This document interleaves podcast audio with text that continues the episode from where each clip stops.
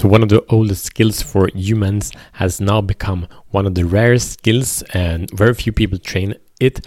And it will, if it not already is, it will be one of the most valued skills that you can develop to master your life, to master your relationships, your family, and to create an epic, epic career and success.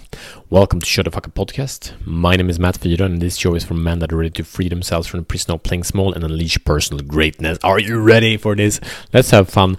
And this is a conversation that cannot be had enough.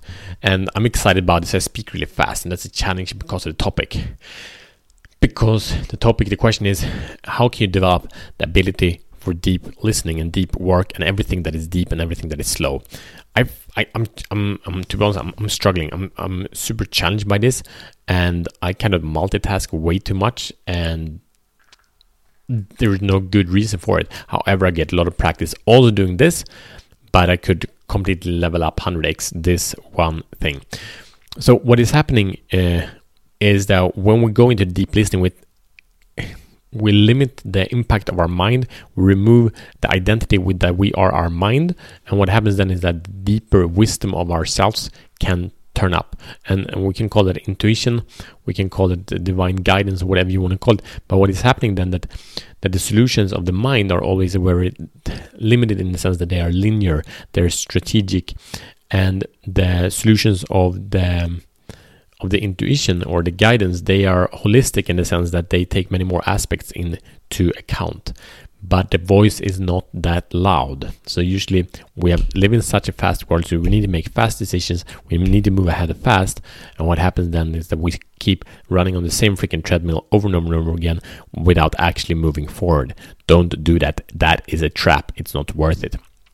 I've been practicing it. And um, today I was reminded by this because I um, bumped into man. Uh, I was picking up my wife from work and bumped into man, a beautiful man that we had a lot of contact during last year. And, and this man really invited me to something beautiful. He was interested in, in my coaching and what this man said because I was developing a, a, a program for him. And he said, um, but, but I don't want this program. I just want you. I just want you listening. I just want you to to hear and reflect me. That would be valuable for me.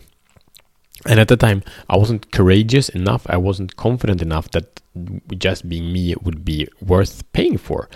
And but this man invited me to that. So so he, he was asking to be coached uh, by me. But actually, that sentence made a huge impact to me because um, at that point it scared me. We didn't make a deal, um, but actually, then over this year, that's been a lot of the insight, a lot of the transformations I've been doing to step into that space of really allowing, stepping into the courage of really the ability to, to listen way, way deeper.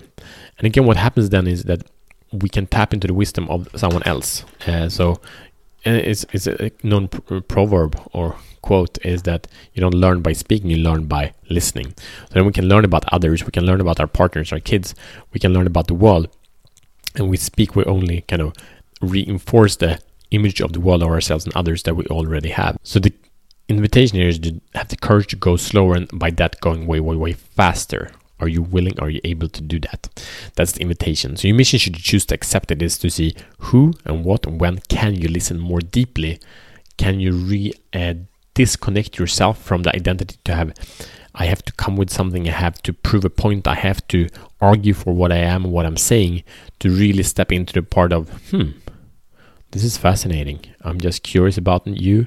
I'm learning so much. I would love to get to know more of you and understand more of myself relating to how your world looks like. Share this episode with a man that is ready to show the fuck up and free himself from the prison of playing small. And I see tomorrow as better men.